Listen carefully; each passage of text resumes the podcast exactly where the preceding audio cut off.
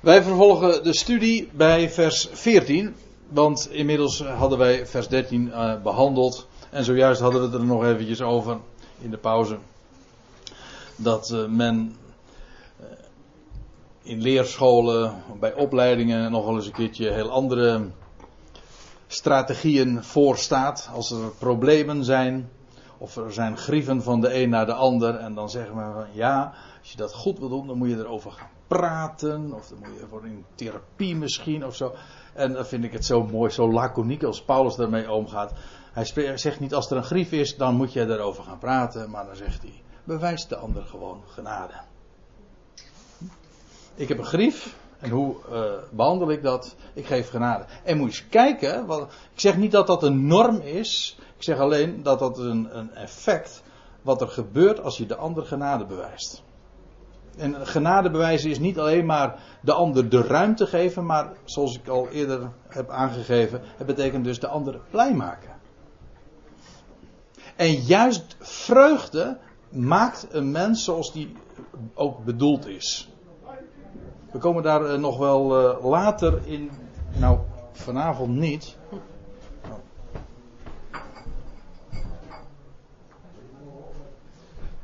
Maar wij komen daar uh, nog wel op. Uh, over een uh, vers of wat. Maar ik kan in elk geval dit voorschot nu wel geven. Dat juist vreugde, genade, dankbaarheid. Maar dankbaarheid is niks anders dan het besef van genade. Dat leert een mens te zijn wie hij is. Daardoor kun je ook, als je God dankt voor dat waar hij jou geplaatst heeft. Voor dat wat je bent. Wat je geacht wordt te doen vreugde maakt ook dat je dat met gemak kunt doen. Zelfs met plezier gaat doen. Ik ga er nu verder uh, nu even niet op in, omdat dat nog later aan de orde komt. Uh, ik wil wel uh, al eventjes opmerken, er staat in vers 14, en doet bij dit alles, letterlijk boven al deze dingen, dus nou, er was al toch al heel wat ter sprake gekomen aan prachtige dingen, die passen bij geliefden en heiligen, apart gezetten, toegewijd aan God. Maar zegt Paulus uh, er dan bij in vers 14, en boven al deze dingen uh, doet daarbij alles, uh, doet bij dit alles de liefde aan. Of boven al deze dingen de liefde. Zo staat het eigenlijk. De liefde. Agape. De liefde van God die onvoorwaardelijk is.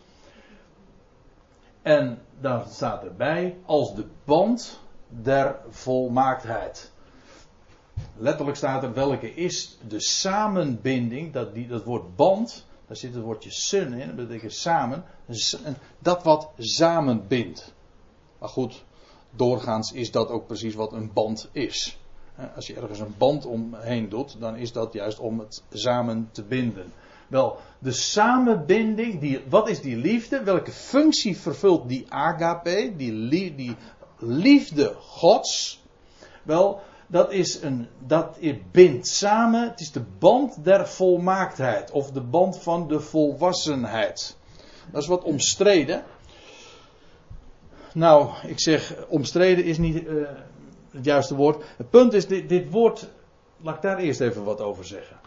Dat woord wat hier dan in de Engelse vertaling weergegeven wordt met maturity, dat is de volwassenheid. Dat is correct. En dat, die betekenis heeft het ook. Maar het betekent letterlijk gewoon, dus daar zit het woordje einde in. Het beëindigen of het tot, tot een einde brengen, voleindigen.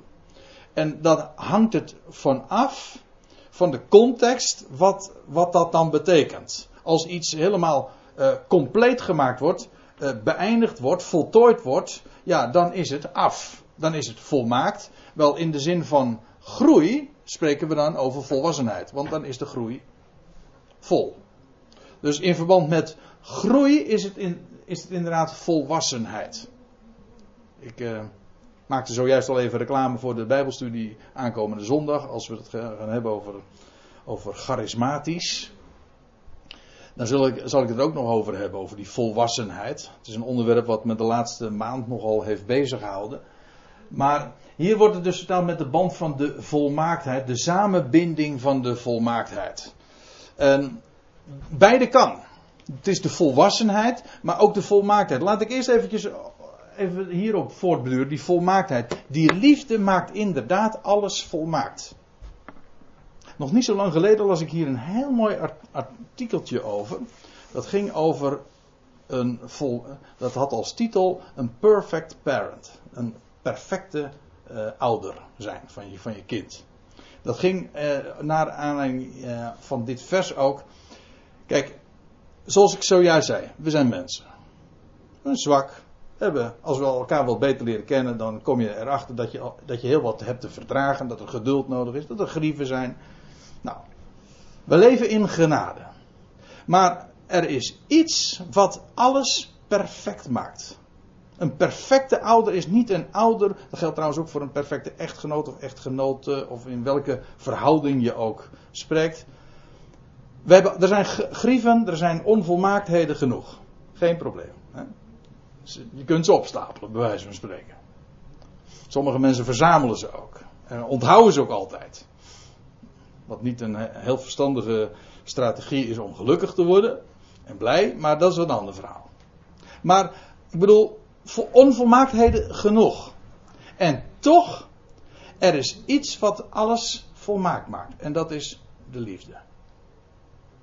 Dat geldt ook voor een kind, een kind. Want nu denk ik nog even terug aan dat prachtige artikel wat ik daarover las. Natuurlijk, een kind komt erachter dat zijn vader of zijn moeder ook niet volmaakt is. Maar als je weet dat je geliefd bent Werk dat, dat je vader of je moeder werkelijk van je houden.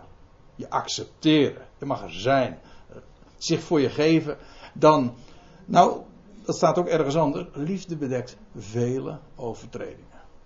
Dan, dan wordt dat bedekt. Ja, met recht, dat, dat, dat zie je niet meer. Dat het woord bedekt is in dit geval ook heel mooi. Dat, is, dat bestaat niet. Telt niet. En die liefde, die goddelijke liefde waar het hier over gaat, dat is die, die band, die samenbinding van de volmaaktheid. Dat maakt je inderdaad een volmaakte echtgenoot. Uh, niet omdat daar helemaal geen onvolkomenheden zouden zijn, maar die liefde die bedekt al die uh, onvolkomenheden. Alle dingen staan. De liefde bedekt alle dingen. Ja, dat is een hele mooie. Dat is, in, in, dat is 1 Korinthe 13, ja. Dus, we gaan nu even kijken hoor, want ik zit even te denken, want er staat namelijk in spreuken, ergens uh, bedief, uh, de liefde bedekt vele overtredingen, maar in 1 Korinthe 13, daar staat, hoe staat het er precies? Dat moet dan hier ergens zijn. Ja, alles bedekt zij, u hebt gelijk. Ja, dan gaat het ook over de liefde, hè? 1 Korinthe 13, over de agape. De, dezelfde liefde als waar het in, in Colossense 3 ook over. De goddelijke liefde. En er staat, ze is niet blij over ongerechtigheid, maar blij met de waarheid. Alles bedekt. Ja. Alles, inderdaad. Mooie aanvulling.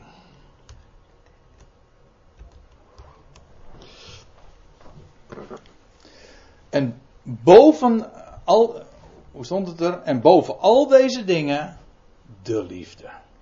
Als de samenbinding van de volmaaktheid, van de volwassenheid. Inderdaad, de gedachte van de volwassenheid is ook een hele mooie. Want nu wij inderdaad, want dat past ook helemaal in het kader van de, die brieven die Paulus vanuit de gevangenis heeft geschreven, onder andere deze brief, voedt hij op tot de volwassenheid. Dat de Ecclesia tot de volle besef komt. De alle de schriften worden tot compleetheid gebracht. De laatste openbaringen zijn, zijn bekendgemaakt. En nu wat blijft daar over? De liefde. Heel veel dingen komen te vervallen, maar de liefde blijft. Goed, ik ga verder. Vers 15. En de vrede van Christus. De vrede van de Christus. Uh, in, tot welke gij immers in één lichaam geroepen zijt. Geroepen werd in één lichaam, maar niet in een lichaam, in, in één lichaam. Het gaat hier dus over vrede. En het gaat hier ook over dat wat, wat ons plaatst in één lichaam. Um, waarover gaat het hier? Ja, de vrede van Christus. Maar wat is die vrede van de Christus? Gaat het over de vrede van het hoofd, die, de vrede die hij nu heeft?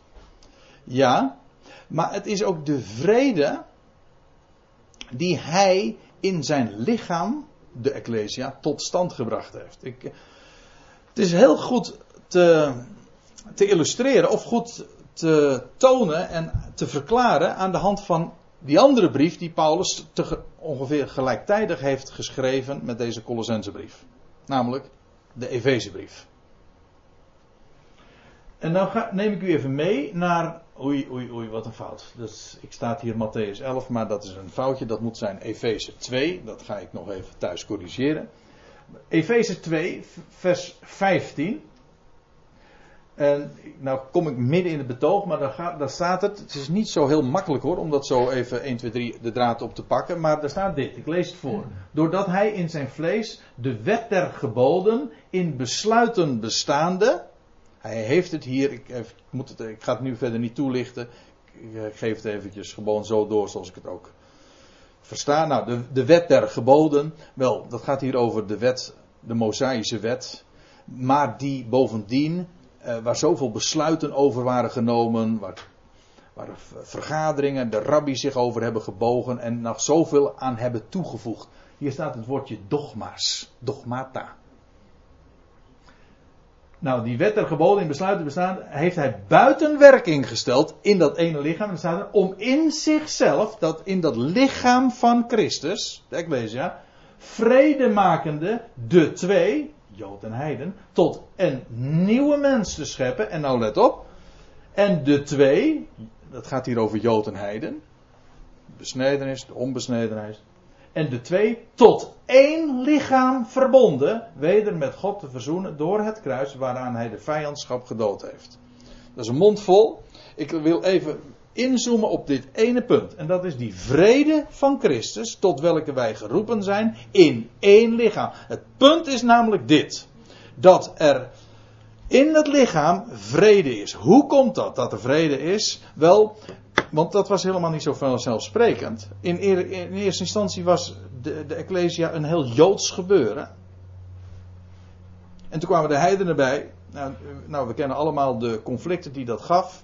Want de heidenen moesten ook de wet houden. Nou, het was. Die wet stond tussen Jood en Heiden in. Wel, die wet is. De wet ter geboden in besluiten bestaan is buiten werking gesteld. Telt niet meer. En daardoor is er vrede. Geen conflict tussen Jood en Heiden. Dat speelt helemaal niet. Die muur die is afgebroken. Daardoor is er in dat lichaam vrede. Er heerst genade. Niet die wet der geboden, of wat je moet doen. Helemaal niet. Er is vrede. Wel, tot die vrede van Christus in dat ene lichaam zijn wij geroepen. En dan moeten we eens opletten wat er dan staat. Die regeren in uw harten. En nou ga ik nog iets vertellen. En dat. Kijk. Let be arbitrating. Staat er in de concordant version. Dit woord hebben we al een keertje eerder gezien. En, dat, en wel een hoofdstuk eerder. Colossense 2, vers 17. Arbitrating, dat is uh, scheidsrechter zijn. Ja, ook dit is weer heel uh, discordant weergegeven. Het is niet regeren, het is ook niet wat het, uh, elders is een prijs doen missen. Het is gewoon scheidsrechter zijn. Dat is de betekenis van het woord. Dus die vrede van Christus in dat ene lichaam, en hoe is die vrede tot stand gekomen? Wel, doordat die wet die er, tussen ooit, die er ooit was en die als een muur instond tussen Jood en Heiden, en die gaf zoveel onvrede, zoveel vijandschap over en weer. Wel, die is afgebroken, die bestaat niet meer. Nou is er vrede, en nou zegt Paulus, laat die vrede van Christus scheidsrechter zijn in jullie harten. En dit woord, arbitrating, nou, dat is de Engelse versie, dat scheidsrechter zijn. Dat, ik zei al, dat komt nog één keer voor. En wel in ditzelfde, oh, in ditzelfde boekje, in dezezelfde brief. Colossense 2 vers 17, daar staat, laat niemand u de prijs doen missen. Maar ik heb u toen al verteld, eh, en ik wijs er nu nog een keer op, gewoon omdat het van belang is. Letterlijk, uh, laat niemand u, uh, laat niemand jullie scheidsrechter zijn in gewilde nederigheid en engelenverering. En ook toen hebben we al gezien, het gaat over de rituelen van engelen, van, van boodschappers. Ik heb dat toen nog, eh, toen hebben we dat wat uitgebreider bezien. Het gaat hier gewoon over de wet die God door bemiddeling van engelen heeft gegeven aan de mensen, aan zijn volk Israël. En hier zie je dat dus hetzelfde. Het gaat erom, niet de wet is onze, is de spel, is ons de spelregel, dat is een mooi woord in dit verband. Is niet de spelregel in de, in de Ecclesia. Is niet de scheidsrechter. Maar de vrede van Christus. En die vrede van Christus staat logischerwijs tegenover vijandschap. En op welke vijandschap wordt dan gedoeld? Wel, die vijandschap die het gevolg is van de wet der geboden. En die dus twee partijen, Jood en Heiden, uit elkaar hield. Wel, die is van geen enkele betekenis in de Ecclesia. En zodra dat wel weer het geval wordt, en meestal is het in uitgeklede vorm, je ziet het nog steeds hoor, als gelovigen weer op een of andere manier de wet gaan omarmen en weer, ik zei al, meestal in een uitgeklede vorm, bepaalde dingen pikken ze dan uit, de sabbat of de waterdoop, ja ja, ook dat. Uh, ja, ik zou, ik zou een heleboel andere dingen kunnen noemen, of kosher eten. Die wordt, die, op het moment dat je die weer gaat introduceren, dan is de vrede weg. Niet alleen in je hart, maar ook de onderling. Want dan ga je namelijk de ander beoordelen. De ander is namelijk nog niet zo ver, weet je wel. En je krijgt onvrede, er wordt conflict, nijd, twist. En daartegenover staat, is zo simpel. De waarheid is zo simpel. En dat is, we zijn geroepen in één lichaam. En daar is vrede. En waardoor is die vrede? Omdat die muur die er ooit stond, die voor dat, die tweedracht en dat conflict zorgde, die is afgebroken, is teniet gedaan, of hoe wordt het nog maar meer genoemd. Er is vrede en dat is onze scheidsrechter. Laat die vrede inderdaad onze scheidsrechter zijn en de, de spelregel in de Ecclesia. Dus dit is ook een, eigenlijk hebben we het de hele avond over buitengewoon praktische uh, begrippen. Dit is, dit is zo'n geweldige spelregel met recht. Waardoor, er ook, waardoor ook de onderlinge omgang in liefde gegarandeerd is. Waardoor, nee, laat ik het anders zeggen. Waardoor de vrede gegarandeerd is. Daartoe zijn we geroepen om daarin te leven. Wel, laat die scheidsrechter zijn in jullie harten. En staat er dan ook bij. Nou, dat uh, sluit er naadloos bij aan. En wees dankbaar. Dat is een hele mooie. Begrip dankbaarheid. Als u goed kijkt, dan zie je ook hier weer charis. Dat heeft dus weer te maken met. nou, het is eucharis. Het is. Is eigenlijk goede genade. Dat is dankbaarheid. Spreken van. Dat, dat is de weerklank, de reflectie van genade. Je ontvangt genade en, de, en daar waar genade bezegd wordt, is dank. Dat is, en eigenlijk staat het nog anders. Hè? En niet weest, maar wordt.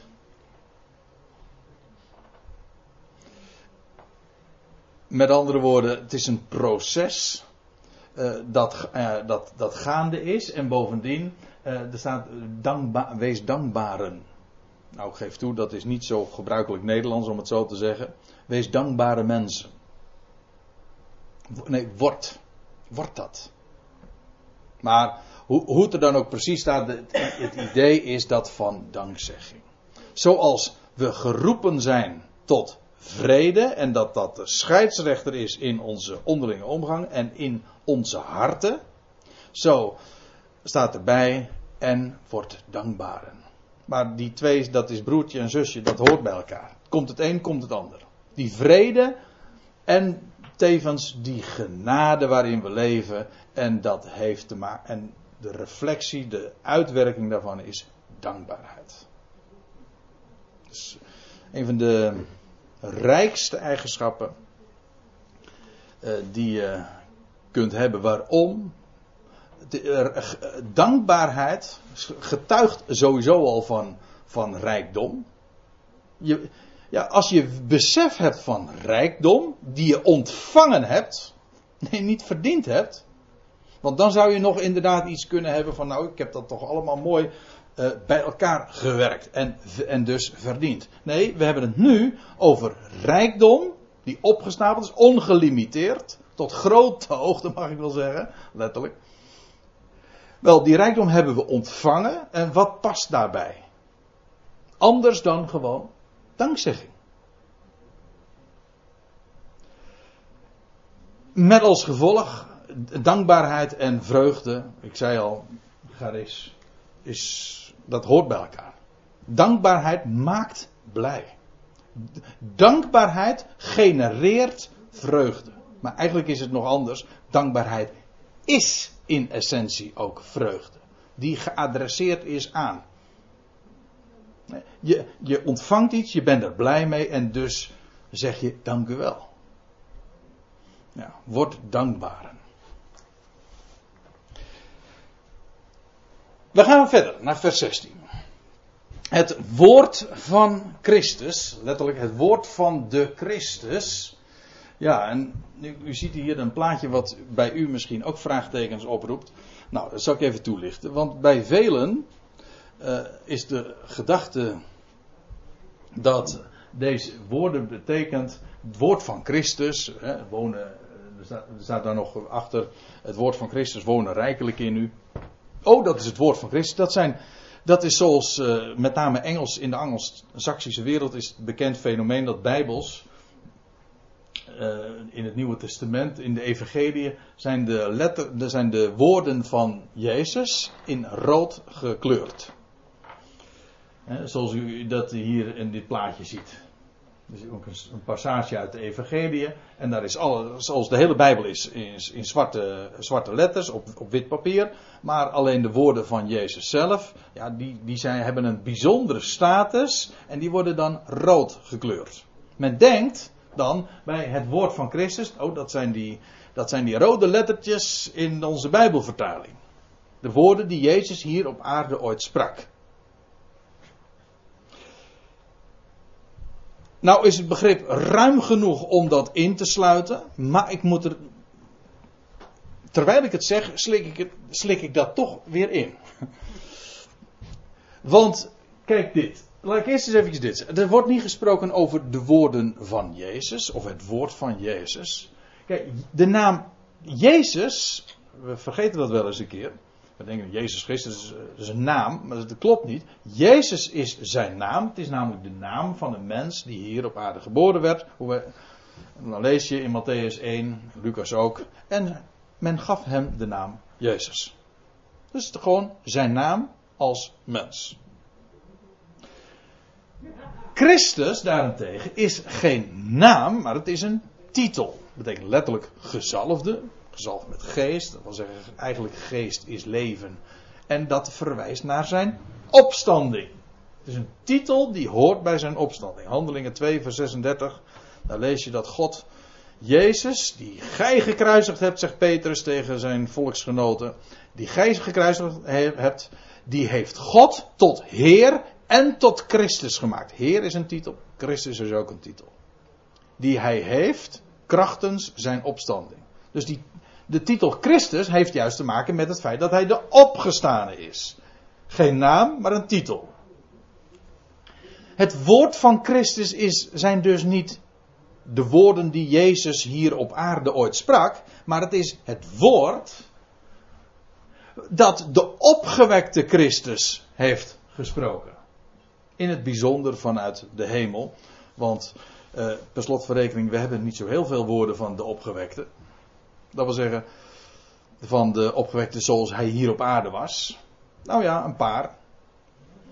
In Lucas 24, eh, dat wat de Heer Jezus gesproken heeft na zijn opstanding. En voor een deel vinden we dat in de Evangelie opgetekend. Voor een klein deel ook nog in Handelingen 1. En dat is het zo ongeveer. En toen verliet hij het toneel. Hij had zijn woord gegeven aan de twaalf. En dat is ook precies het woord wat de twaalf hebben gepredikt. Het woord ook inderdaad van de opgewekte Christus. Maar later heeft bij een hele nieuwe situatie die ontstond, heeft uh, de opgewekte Christus is verschenen aan Saulus. Saul, Saul, wat vervolg je mij? Nou, hij is geroepen en vervolgens heeft hij, die opgewekte Christus, vanuit de hemel zijn woord gegeven aan de apostel Paulus. Die inmiddels die naam had gekregen dus. Het woord van Christus is het woord van de opgewekte. En mensen denken daar dan volkomen ten onrechte alleen maar aan, aan de woorden van de Evangelie. Maar strikt genomen is dat niet eens het woord van Christus. Dat is het woord van Jezus. Maar we hebben het nu over het, het woord van Christus. De opgewekte. Zoals hij dat rijkelijk ook heeft bekendgemaakt aan de apostel Paulus. Aan niemand anders. De twaalf die hebben ook wel wat daarvan vernomen gedurende 40 dagen. Maar Paulus heeft zoveel meer vernomen. En letterlijk zelfs ook van een zoveel grotere hoogte. En zoveel grotere heerlijkheid ook. Oogverblindend. Ziet u? Als je goed bij zulke woorden stilstaat, dan kom je tot heel andere gedachten juist. Het woord van Christus, dat bepaalt ons dus wel degelijk ook bij de woorden die de apostel Paulus heeft opgetekend. Als wij nu, een avond als deze, de Colossensebrief behandelen, dan houden we ons bezig met het woord van Christus. Namelijk het woord dat hij ooit heeft toevertrouwd aan de apostel Paulus, die dat gesproken heeft, maar ook heeft opgetekend. Nou, en dan staat er dat wonen, dat woord van de Christus, dat wonen rijkelijk in u. Wonen, letterlijk staat er dit. Met excuses voor het misschien wat kromme Nederlands, maar staat dit. Laat het in, dat woord van Christus, laat het in jullie woning maken rijkelijk. Dus, maar niet karig, maar overvloedig. Royaal. Ja, laat het in jullie woning maken. Laat het in, je, in, in jullie, dat wil zeggen de binnenkant, thuis zijn. Dat is het. Het wonen rijkelijk in jullie, zodat gij, vers 16, zodat gij, of in alle wijsheid elkaar leert. In elke of in alle wijsheid lerende. Dat is wat er echt staat. Heerlijk om zo ja, aan de ene kant de vertaling te zien, maar tegelijkertijd zo met een eh, schuin oog vooral ook te kijken naar die interlineair. Want nou, ik, ik heb, terwijl ik hier zo spreek, ik heb het de vorige keer geloof ik ook wel gememoreerd, maar ja, ik ben daar zo enthousiast over. Ik vind het heerlijk om, om zo dicht bij de bron te, te, zijn en te staan en daaruit te, te drinken. En het is, dit zijn de woorden die de apostel Paulus heeft opgetekend. In alle wijsheid lerende, onderwijs geven. Want dat woord, dat is, ja, is kennis. Daardoor leer je zoveel. Niet alleen over wie je bent, wie hij is, de toekomst. Maar gewoon ook, zoals we een avond als deze vooral ook ondervinden. Woorden gewoon die te maken hebben met de uitwerking van zijn genade in ons leven zodat, zodat, jullie, zodat, nee, in alle wijsheid lerende en staat er terechtwijst. Ja, nou. Laten we daar ook nog eens even wat over zeggen. Want dat woord terechtwijst. Ik moet even een, uh, nu een terechtwijzing plegen. Want dat staat er namelijk niet. Kijk, wat er namelijk. Ik zeg niet dat de gedachte op zich altijd uh, niet past of niet kan. Dat is best. Maar het is niet de, de wezenlijke gedachte. In, in uh, de Concordant Version zie je dat het opgebouwd is uit twee elementen. En dat is mind placing. Dat wil zeggen, als dus in, uh, wat op zijn Nederlands aangeeft, gedachten plaatsen. Het is trouwens grappig als je in de lexicons kijkt, dan wordt het, wat ik nu dus zeg, wordt dat ook direct ook aangegeven en bevestigd. De lexicons die eh, bevestigen dit dus direct. Het is namelijk attenderen. In, de, in gedachten plaatsen. Uh, attent maken op. Natuurlijk, dat kan een terechtwijzing zijn. Als ik u attent maak op uh, iets wat niet klopt, dan is, heeft dat de idee van terechtwijzing. Maar dat is niet de gedachte. Bij terechtwijzing denk je aan een correctie. Iets, je, je denkt fout, of je zit fout, of je doet fout, of whatever. en dan word je terecht gewezen.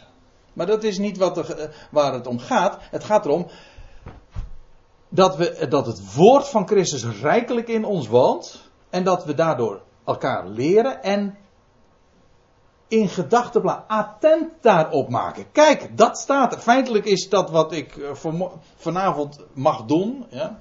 Ik heb een, wat dat betreft een wat solo, een, echt een solo rol, ja.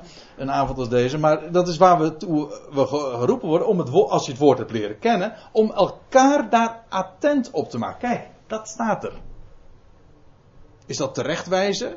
Nou, het kan, het, natuurlijk heeft het een corrigerende werking, absoluut. Maar dat is niet het idee. Het idee is dat je gewezen wordt op.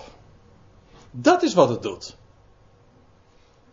En elkaar dus attent maakt op. Vertelt hoe, niet wat de ander moet doen. Je ziet in de vertaling, ik heb er al zo dikwijls op gewezen, maar ik, moet het nu eigenlijk, eigenlijk ook, ook weer doen. Dat de vertalingen zo wettisch dikwijls ook zijn. En weer dat opgestoken vingertje. Van jij moet zus denken, jij moet zo doen. Nee, attent maken is iets heel anders. Attent maken is, kijk, kijk. Ik vraag uw aandacht voor, zie het zelf eens. En wat, wat de uitwerking daarvoor is, is in, in, in het denken van de ander, of in het gedrag van de ander, dat is jouw zaak niet. We leven in genade. En we, en we verdragen elkaar. En, en bij de een werkt het nu eenmaal anders uit dan bij de ander. In, in, bij de een valt het kwartje snel en bij de ander heel erg langzaam. Bij de een heeft het ook meteen een gevolg in het, in het gedrag. In het, bij een ander duurt dat wat langer. Verdraagt elkaar gewoon. Daar hebben we ook niks mee te maken. We zijn in vrede geroepen. En, en als er dan een grief is, nou bewijs je de andere vreugde. Daar word je zelf ook nog blij van, dus dat is mooi meegenomen. Hè? Dus zelfs als je vanuit egocentrische overwegingen, kan ik het u nog uh, adviseren. Klinkt misschien wat vreemd wat ik nou zeg, maar het is echt zo. Je wordt er namelijk zelf alleen maar rijker van. Maar uh, dat attent maken op je wijst op wat de schrift zegt. En ik geloof in de kracht van het woord en wat er staat geschreven. Dat zal altijd zijn uitwerking hebben. En hoe het bij de ander uitwerkt, dat is, je zaak, dat is, dat is jouw zaak niet. En trouwens ook bij jezelf niet. Luister naar. Of, en, en zie. Laat je attent maken op dat woord. En dan zul je ondervinden dat het altijd zijn uitwerking heeft.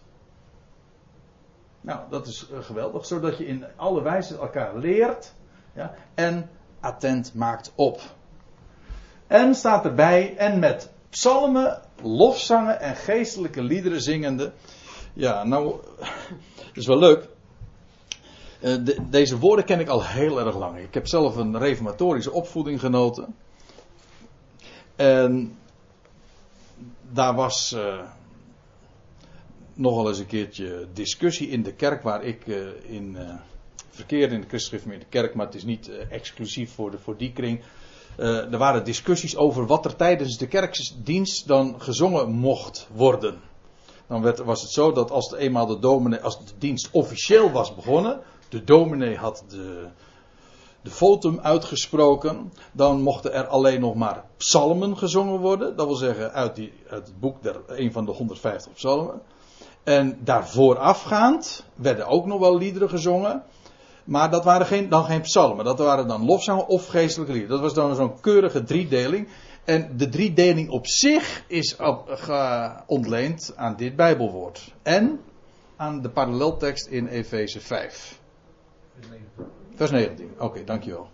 Daar staat iets soortgelijks. Ja. Maar ik moet erbij zeggen, ondanks uh, dat terwijl er inderdaad gesproken wordt over psalmen, lofzangen en geestelijke liederen, is daarmee trouwens nog helemaal niet gezegd dat het hier over drie groepen liederen gaat. Dat, is, dat hoeft helemaal niet.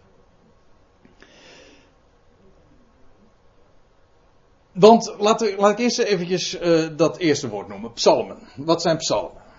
Nou, het eerste antwoord wat je daarop kunt geven, dat, zijn, dat is een van die 150 hoofdstukken uit dat boek dat wij in het Oude Testament hebben. Dat is volkomen correct, dat heette inderdaad psalmen. Maar ik zal u dit vertellen, het, Grieks, het is een Grieks woord, hè, psalm.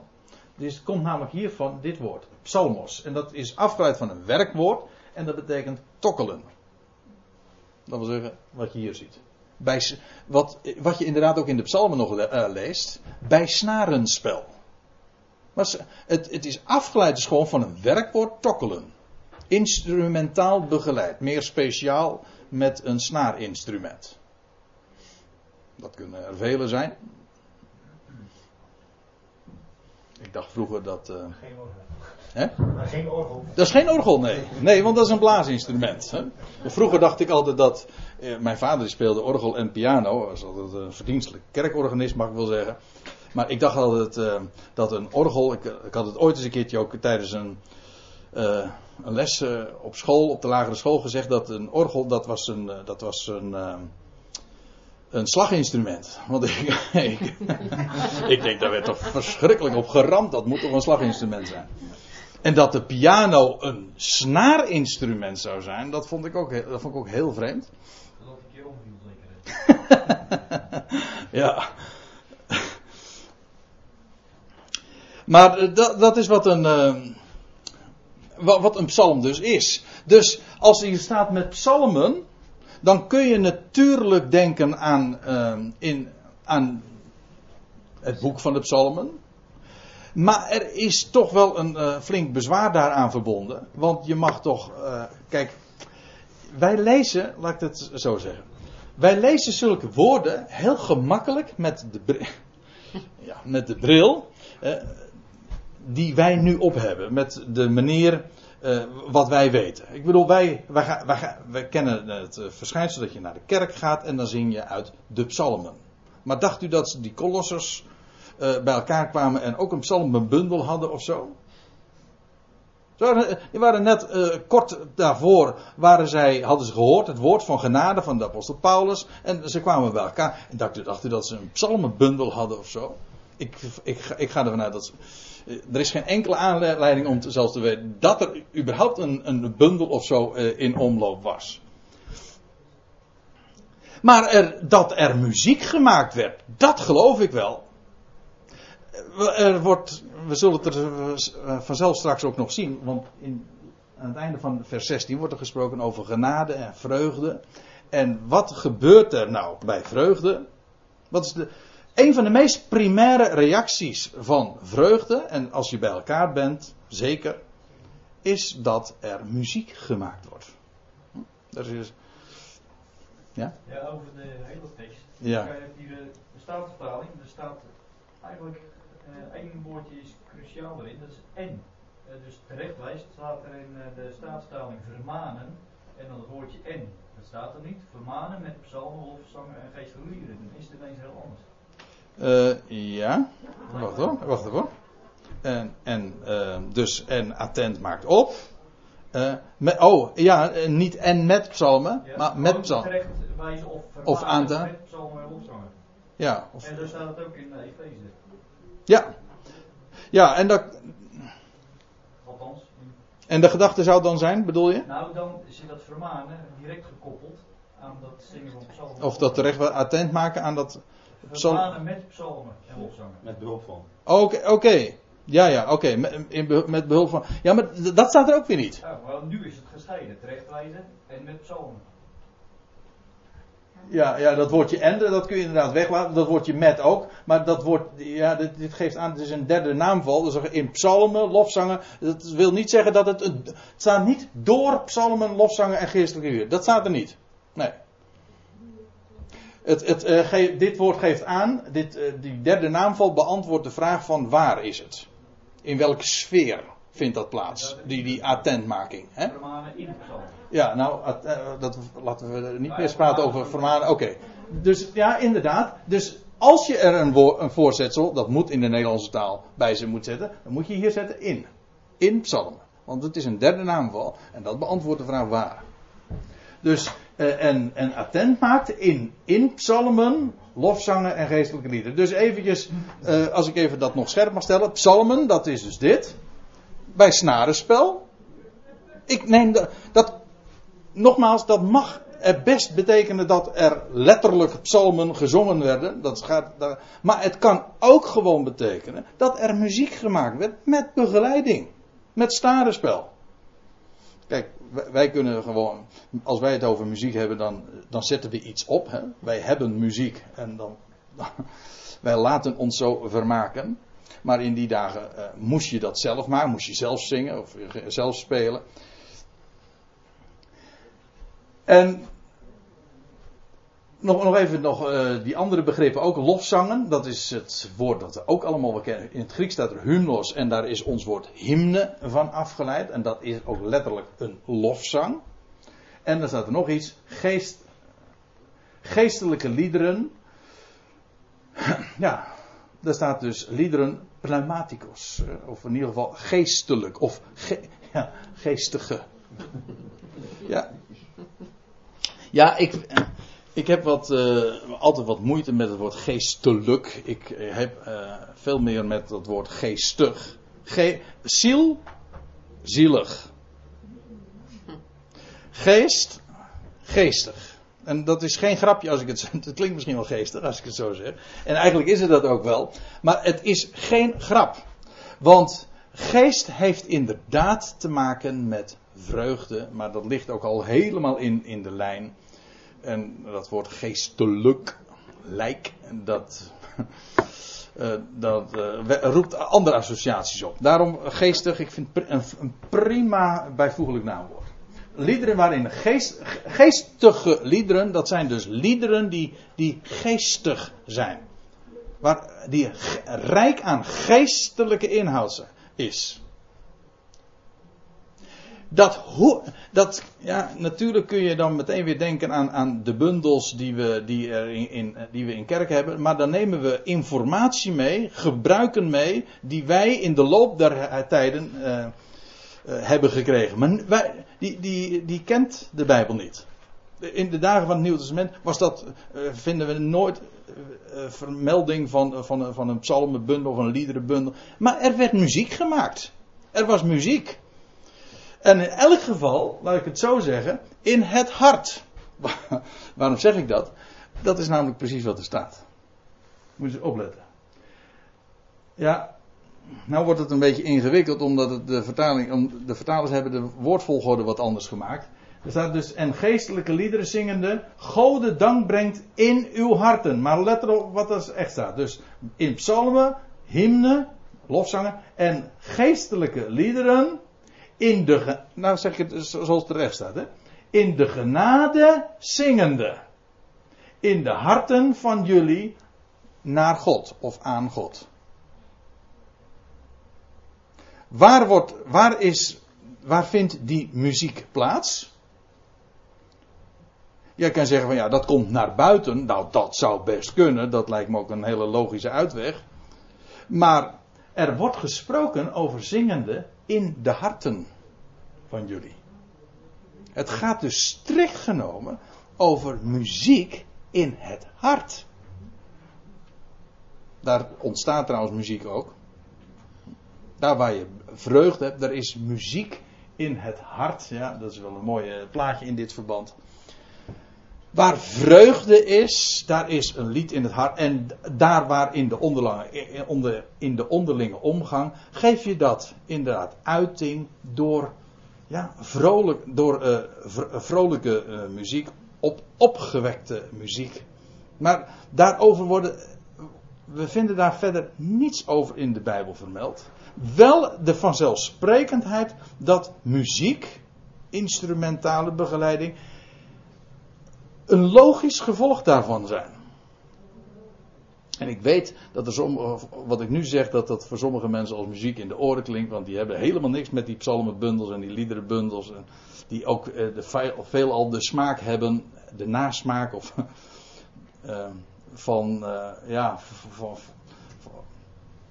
van wat oudbollige stijl, et cetera. En ik moet zeggen, ik ken dat bezwaar ook. Maar als je daar gewoon fris tegen aankijkt, zoals, de Nieuwe Testament, zoals Paulus daarover schrijft, dan zeggen we ja, dat, dat komt helemaal overeen. Daar waar gelovigen zijn, waar je genade kent, hè, in de genade zingen. Wat gebeurt er nou als je blij bent? Dan ga je als vanzelf zingen. Daar is, daar is iets van muziek in het hart.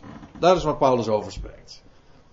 En het is logisch dat dat ook inderdaad zijn uitweg en zijn uitweg uh, vindt. Het is trouwens leuk, dat is het laatste wat ik erover wil zeggen. Ja, dat is het laatste wat ik erover moet zeggen. Maar dat uh,